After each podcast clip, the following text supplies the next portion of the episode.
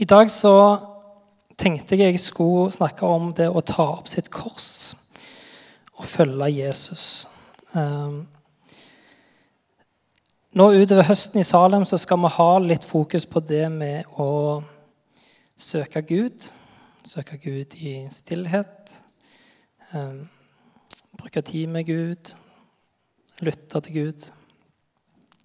Og fokus på disippelskap. Da tenkte jeg at jeg ville begynne med det denne lørdagen. Det å ta opp sitt kors og følge Jesus. Og Da skal jeg etter hvert lese den teksten som jeg har tatt utgangspunkt i. Den står i Matteus 16, vers 24-27. Men før vi leser der, så vil jeg bare be litt videre først. Kjære far, takk for kvelden her. Takk for uh, at vi kan få samles om ditt ord. Jeg ber om at uh, du må la ditt ord virke her i kveld. Jeg ber om at det må bli til veiledning, til oppdragelse. Jeg ber om at du må bruke det inn i våre liv og tale til hver og en som sitter her. Velsign denne kvelden. Amen. Um, ja, Matteus 16, 24-27. Før jeg leser det, så vil jeg bare si at uh, den teksten begynner med et uh, ord som gjør at vi må starte en litt annen plass. Det begynner med 'deretter'. Deretter hva da? Lurer du da på. Og da må vi gå litt tilbake. For det er greit å vite litt hva som har skjedd i forkant. Hvis vi går tilbake til Matteus 16, vi fortsatt i, til vers 13, så er vi i en setting der Jesus og disiplene de har kommet seg ut til distriktet rundt et område som heter Cesarea Filippi. Her starter det en samtale der Jesus spør disiplene om hvem, hvem sier folk at menneskesønnen er. Hvem sier disiplene at han er? I vers 16 der så finner vi Simon Peter sitt svar på dette, hans bekjennelse. om vil kalle det. Han sier, 'Du er Messias, den levende Guds sønn'. Først etter dette, eller fra da av, så det står i min bibel, så begynner Jesus å gjøre det klart for disiplene at han skulle lide, han skulle dø, han skulle stå opp igjen. Så når vi kommer inn i teksten her, så er det, det er helt nytt stoff for disiplene. Helt ny undervisning. Det var første gang Jesus underviste og forutsa sin død for dem. Han gjør det flere ganger seinere, men dette var altså første gang. Eh, og jeg syns det er greit å ha med. Det er så veldig lett å glemme når man leser sånn som dette, at uh, disiplene visste jo ikke hele tida hvordan historien kom til å gå videre. Hva som kom til å skje med Jesus. Og vi vil se i teksten her at det er sjokkerende nyheter for dem, det som skal skje. Iallfall etter Peters reaksjon dømme. Han tar faktisk Jesus til side og irettesetter han. Gud, fri deg, Herre. Dette må aldri hende deg. Men Jesus snudde seg og sa til Peter, vik bak meg, Satan. Du vil føre meg til fall. Du har ikke tanke for det som Gud vil, bare for det som mennesket vil. Og da har vi kommet fram til den teksten som for i dag. Å lese. Deretter sa Jesus til disiplene.: Om noen vil følge etter meg, må han fornekte seg sjøl ta opp sitt kors, ta sitt kors opp og følge meg. For den som vil berge sitt liv, skal miste det. Men den som mister sitt liv for min skyld, skal finne det. Hva vil det gagne et menneske om det vinner hele verden, men taper sin sjel? Eller hva skal et menneske gi som vederlag for sin sjel? For menneskesønnen skal komme i sin fars herlighet sammen med sine engler, og da skal han lønne hver og en etter det han har gjort.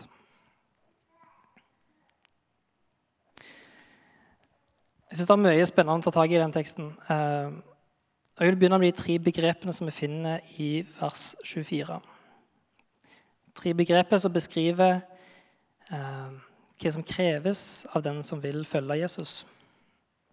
Fornekte seg sjøl, ta opp sitt kors og følge Jesus. Første begrepet er å fornekte seg sjøl. Hva vil det si å fornekte seg sjøl? Har du tenkt på det?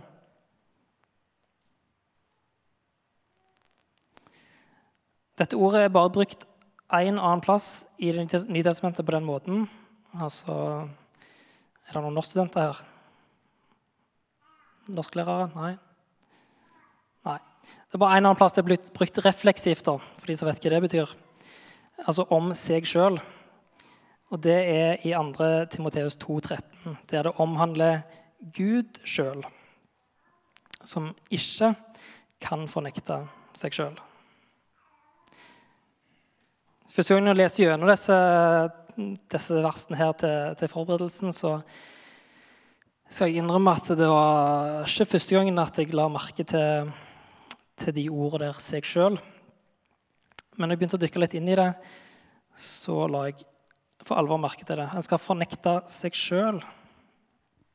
Det er noe annet enn å bare nekte seg goder, nytelser, um, ting.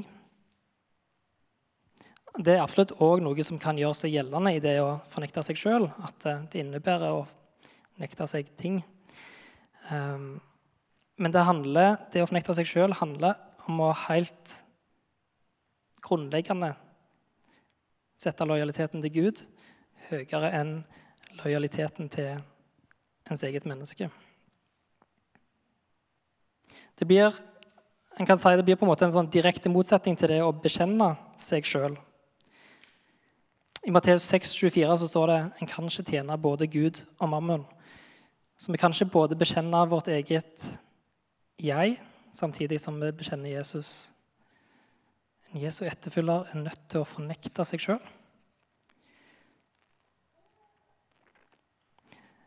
For å si det på en annen måte så kan jeg ta et eksempel fra Bibelen eh, med Peter. Peter som var en sentral skikkelse i versene tidligere fordi han bekjente Jesus. Han skulle komme til å fornekte Jesus seinere. Og hva gjorde Peter da han fornekta Jesus? Det leser vi i Matteus 26, 70-75, men der han sier 'Jeg kjenner ikke den mannen'. Peter ville ikke vedkjenne seg Jesus, rett og slett. Så det å fornekte seg sjøl vil derfor ikke først og fremst si å, å fornekte seg ting og tang, men å fornekte seg sjøl er kanskje vedkjenne meg meg sjøl. Mitt sjøl, det er ødelagt. Og det betyr ikke bare så det er sagt, det betyr ikke at vi skal ha et dårlig sjølbilde. For det vil stride med det Bibelen lærer. at eh, at vi er skapt i Guds bilde. Men, men, det handler om at vi har fått en ny herre i livet. Som en følge av syndefallet så er vi ødelagt, og her handler det om å gi avkall på det gamle mennesket. Vi ser ikke lenger oss på oss sjøl eller på veien som er vanskelig å gå. Men vi har blikket festa på Jesus og går foran oss og viser oss vei. Og holder oss tett inntil ham.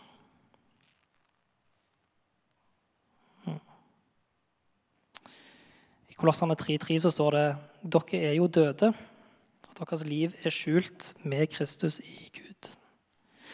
Og I vers 4 så står det da Kristus er deres liv. Og Da skal vi videre på neste begrep, det å ta opp sitt kors.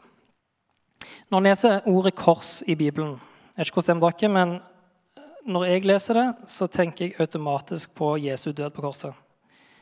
Jeg tror det gjelder for ganske mange, at den kommer nokså kjapt. Um, men denne koblingen sånn som var innom i starten, den var jo ennå ikke da kjent for disiplene. De visste ikke at dette skulle skje ennå. I tillegg i dag så har korset blitt et sånn allment symbol. En ser det overalt. En kan se det i logoer. Um, Salem-logoen, f.eks. En kan se det på smykker, en kan se det på T-skjorte. Um, det har blitt et motesymbol òg. Men jeg tror det var veldig få på Jesu tid som ville ønske seg ei T-skjorte med et kors på. Det var ikke et dekorelement. Og Det var heller ikke knytta til en åndelig betydning, sånn som for oss kristne i dag. på den måten. Så at Jesus her snakker om å ta opp sitt kors, var nok ikke en sånn koselig assosiasjon eller noe dypt åndelig assosiasjon for disiplene. Men det var nok mer en smertefull og en, en skamfull assosiasjon. Det å dø på et kors det var en av de verste henrettelsesmetodene som fantes. Både pga. det fysiske med det, men òg fordi det var så mye skam knytta til det. Det å henge der, og det til å ta sitt kors opp og gå gjennom folkemengden i forkant. Den ultimate skammen for den dømte og hans familie.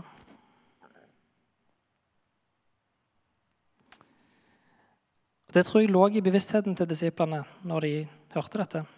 At de skulle ta opp sitt kors. Så hva ønsker Jesus å si med dette? Hva ønsker han å si med at hver og en som vil følge Jesus, må ta opp sitt kors? Det er en befaling til alle Jesu etterfølgere. En illustrasjon på hva som kreves av en disippel.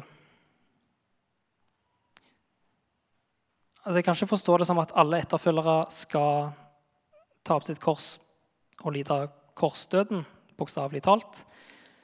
Det kan ikke være poenget, men det handler heller om at som Jesu etterfølgere så skal han ta opp sitt kors. Han skal bære sin tru gjennom folkemengder, til tross for eventuelt skam og hån som kommer som en konsekvens. Vi skal stå fast på Guds ord, som det lys og det salt som vi allerede er som følge av å være Guds barn, så skal vi ikke gjemme dette lyset under et kar, men sette det i en stake sånn at det lyser for alle i huset. Og dette handler ikke om å søke etter lidelse eller å framprovosere lidelse eh, eller prøvelser. Men det handler om å leve etter Jesu ord. Å leve etter det Jesus lærer oss i Bibelen, uansett hva det måtte koste. I stad var vi inne på at, det, at en skulle fornekte seg sjøl. Her ønsker jeg å understreke dette ordet som kommer før kors, nemlig sitt kors. Jesus kaller sine etterfølgere til å ta opp sitt kors. Det er ikke en generell befaling om å ta opp ett kors, men sitt kors. Så Vi skal ikke gå rundt og leite etter et kors å bære, da, for å ta den metaforen videre det er allerede forberedt for oss. Vi skal bære det kors som har blitt gitt oss. Eh, det kommer av seg sjøl. Et kors som Gud sjøl har valgt å tilpasse alt etter det mål som han har tildelt.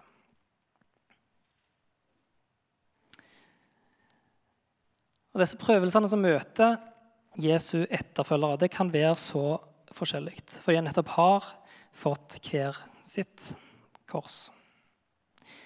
For noen så er den faktiske konsekvensen en martyrdød. Ehm, det er noe som en kan tenke på. At det er folk som lider martyrdøden for sin tro i dag ennå. Det kan være en konsekvens av trua. Men det betyr ikke at vi oppfordrer til å oppsøke lidelse og forfølgelse. Men vi er kalt til å leve etter Bibelens ord med en vilje til å ta de konsekvensene som det gir.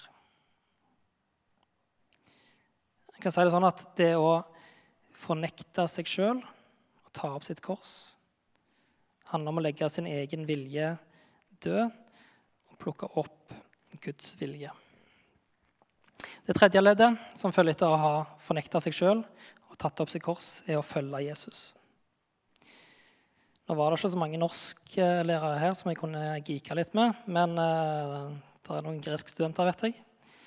Uh, så det er akkurat spennende med dette tredje leddet er at det skiller seg litt fra de to forrige. De to andre har vært grammatisk sett avsluttende, enkeltstående handlinger. Avsluttende i motsetning til vedvarende. Uh, så det siste leddet, altså. Vi skal følge Jesus vi skal fortsette å følge Jesus. Det er noe som varer ved. Jesus forteller oss ikke at etter å ha fornekta oss sjøl og tatt opp vårt kors, så skal vi lide korsdøden. Han sier vi skal følge Han. Kanskje fortsette å leve vårt liv styrt av det gamle mennesket. Derfor må vi fornekte oss sjøl. Vårt gamle menneske er korsfesta. Å leve, å følge Jesus og leve et liv som hans disippel handler om å ha Jesus i vårt hjerte. Her er det en ufattelig frihet å vitne om. Ehm, som Jesu etterfølgere så stiller vi ikke lenger vårt gamle menneske framfor Gud. Vi stiller Jesus framfor Gud, den korsfesta Jesus. Vi tar opp vårt kors, og så får vi lov til å stille Jesu kors framfor Gud. Og jeg syns på en måte eller på en måte, jeg syns på mange måter, eh, at eh, Paulus oppsummerer noe av det vi har vært innom så langt, fint i Romerne 8. Så jeg vil bare lese noen vers derifra. Starte fra, fra vers 1. Så er det da ingen fordømmelse for de som er i Kristus Jesus. For Åndens lov, som gir liv, har i Kristus Jesus gjort deg fri fra syndens og dødens lov. Det som var umulig for loven, siden han sto maktesløs fordi vi er av kjøtt og blod, det gjorde Gud. Han sendte sin egen sønn som syndoffer i samme slags kjøtt og blod som syndige mennesker har, og holdt om over synden i oss. Så ble lovens krav oppfylt i oss som ikke lever sånn kjøttet vil, men slik ånden vil. De som lever slik kjøttet vil, er bare opptatt av det som hører mennesket til. Men de som lever slik ånden vil, er opptatt av det som hører ånden til. For det kjøttet vil, er død, men det ånden vil, er liv og fred. Derfor er det som kjøttet vil, fiendskap mot Gud, for det bøyer seg ikke under Guds lov og kan heller ikke gjøre det. De som kjøtt og blod har makt over, kan ikke være til glede for Gud. Men det er ikke kjøttet som har makt over dere, det er ånden, så sant Guds ånd bor i dere. Den som ikke har Kristi ånd, hører ikke Kristus til. Men om Kristus bor i dere, er nok kroppen død pga. synda, men ånden er levende pga. rettferdigheten. Han reiste Jesus opp fra de døde, og dersom Hans ånd bor i dere, skal Han som reiser Kristus opp fra de døde, og gi deres dødelige kropp liv ved sin ånd som bor i dere. Derfor, søsken, skylder vi ikke vårt kjøtt og blod noe, så vi skulle leve sånn det vil. Hvis dere lever sånn kjøttet vil, så skal dere dø. Men hvis dere ved ånden dreper kroppens gjerninger, skal dere leve. Romerne 8, 1-13. Les gjerne en gang til hjemme. Det er ganske metta vers. Så langt har vi vært i vers 24. Eh, Eh, men det er et par vers til i den teksten. og Nå trenger dere ikke begynne å bekymre dere for at de skal bruke like lang tid på de andre tre versene. Men det er ganske opplysende vers, eh, så jeg har lyst til å ta med de òg. Ikke å bukke over de. For det som følger her, er selve bakgrunnen for hvorfor en skal fornekte seg sjøl, ta opp sitt kors og følge Jesus. Jesus legger fram tre punkt som grunnlag for dette tre punkt og tre vers, som alle starter med ordet 'for'. I 2011-oversettelsen er det et 'for' som er tatt vekk. Men du vil finne det i eh, den greske teksten og i 88-oversettelsen for de som har den. Uansett, de to første forene som vi finner i vers 25 og 26. En skal fornekte seg sjøl, ta opp sitt kors og følge Jesus. For den som vil berge sitt liv, skal miste det. Men den som mister sitt liv for min skyld, han skal finne det. En skal fornekte seg sjøl, ta opp sitt kors og følge Jesus. For hva gagner det et menneske om det vinner hele verden, men taper sin sjel? Eller hva kan et menneske gi til vederlag for sin sjel? De to første for en her vitner om at en som Jesu etterfølger ikke kan bevare det nåværende liv hvis han ønsker å vinne det evige liv. I 2. Korinterne 5,17 så står det derfor hvis noen er i Kristus, så er han en ny skapning. Det gamle er borte. Se, det nye er blitt til. Ved å følge Jesus gir han slipp på det gamle, forgjengelige livet og takker ja til det evige livet som Gud vil gi oss. Det går an å trekke en parallell til det, det Jesus sier i Matteus 8,22, der han sier 'Følg du meg, og la de døde begrave sine døde'. Det er en litt eh, tekst han ikke snakker så veldig mye om, kanskje. Men ordet 'død' her er brukt i to ulike betydninger. Jødene de brukte ofte ordet 'død' for å beskrive likegyldighet, eh, eller det at noe ikke har makt over oss.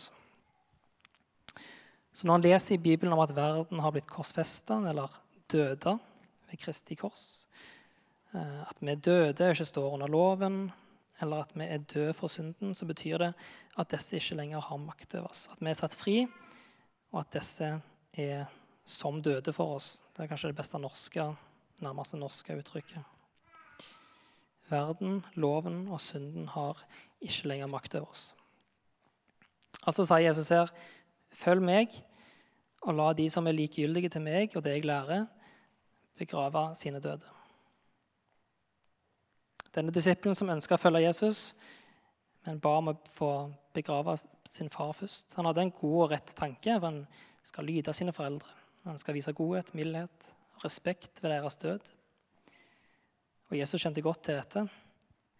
Han mener nok ikke å være unødig hard, men han lærer denne disippelen her og oss at lydighet til mennesket, det er underordna lydighet til Gud og kaller til å følge Jesus.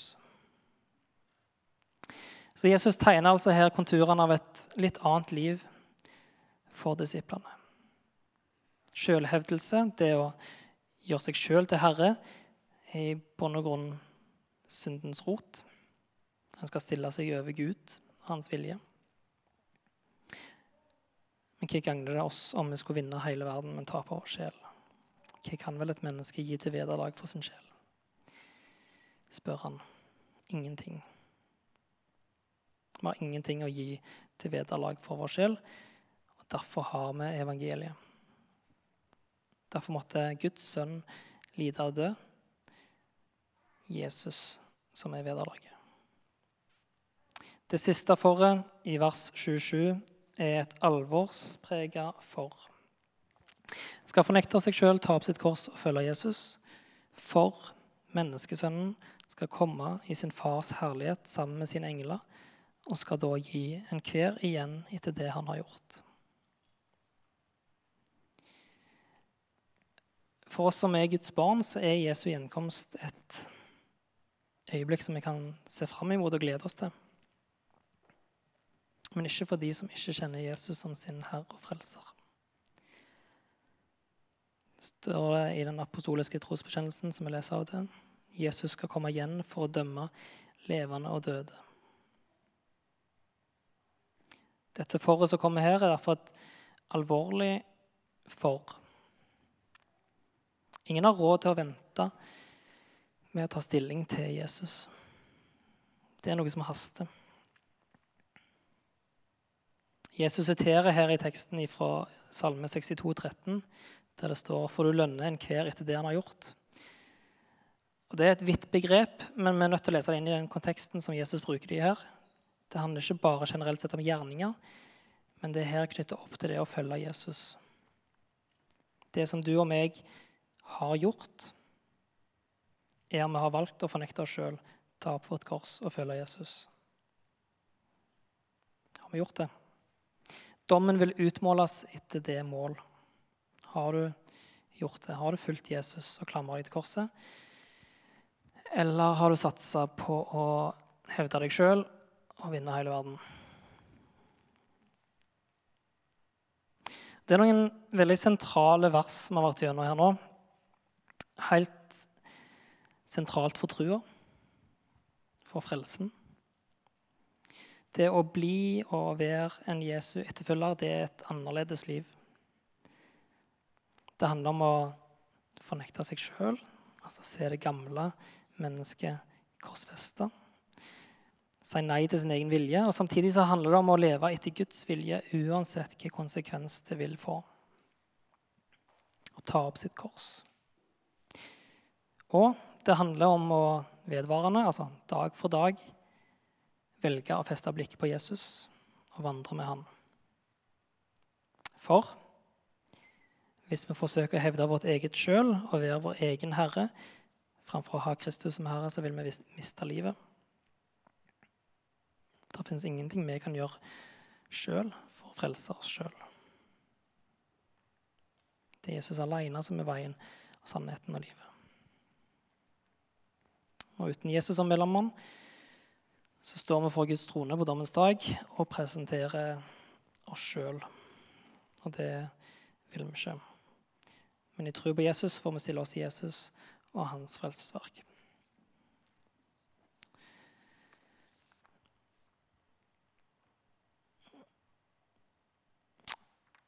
Jeg vil også nevne helt til slutt For deg som tror, så, så kan dette være noen vers som kan være ransakende å ta med seg.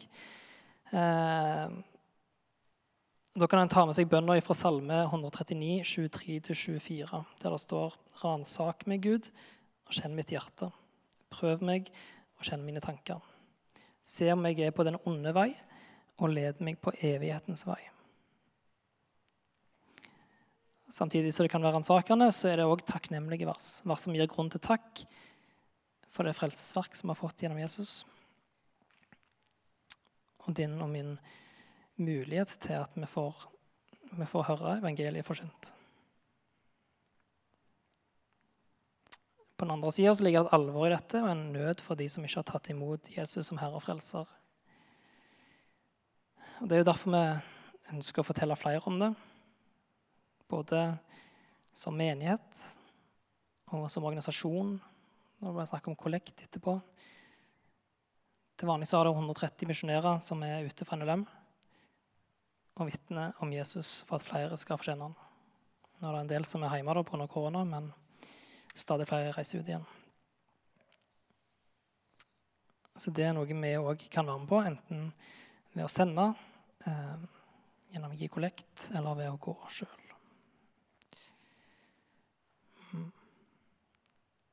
Kjære far, takk for uh, ditt ord. Takk for det du har minnet oss på her. Jeg ber om at uh, du må fortsette å tale til oss gjennom disse versene, gjennom helga og kvelden. Amen.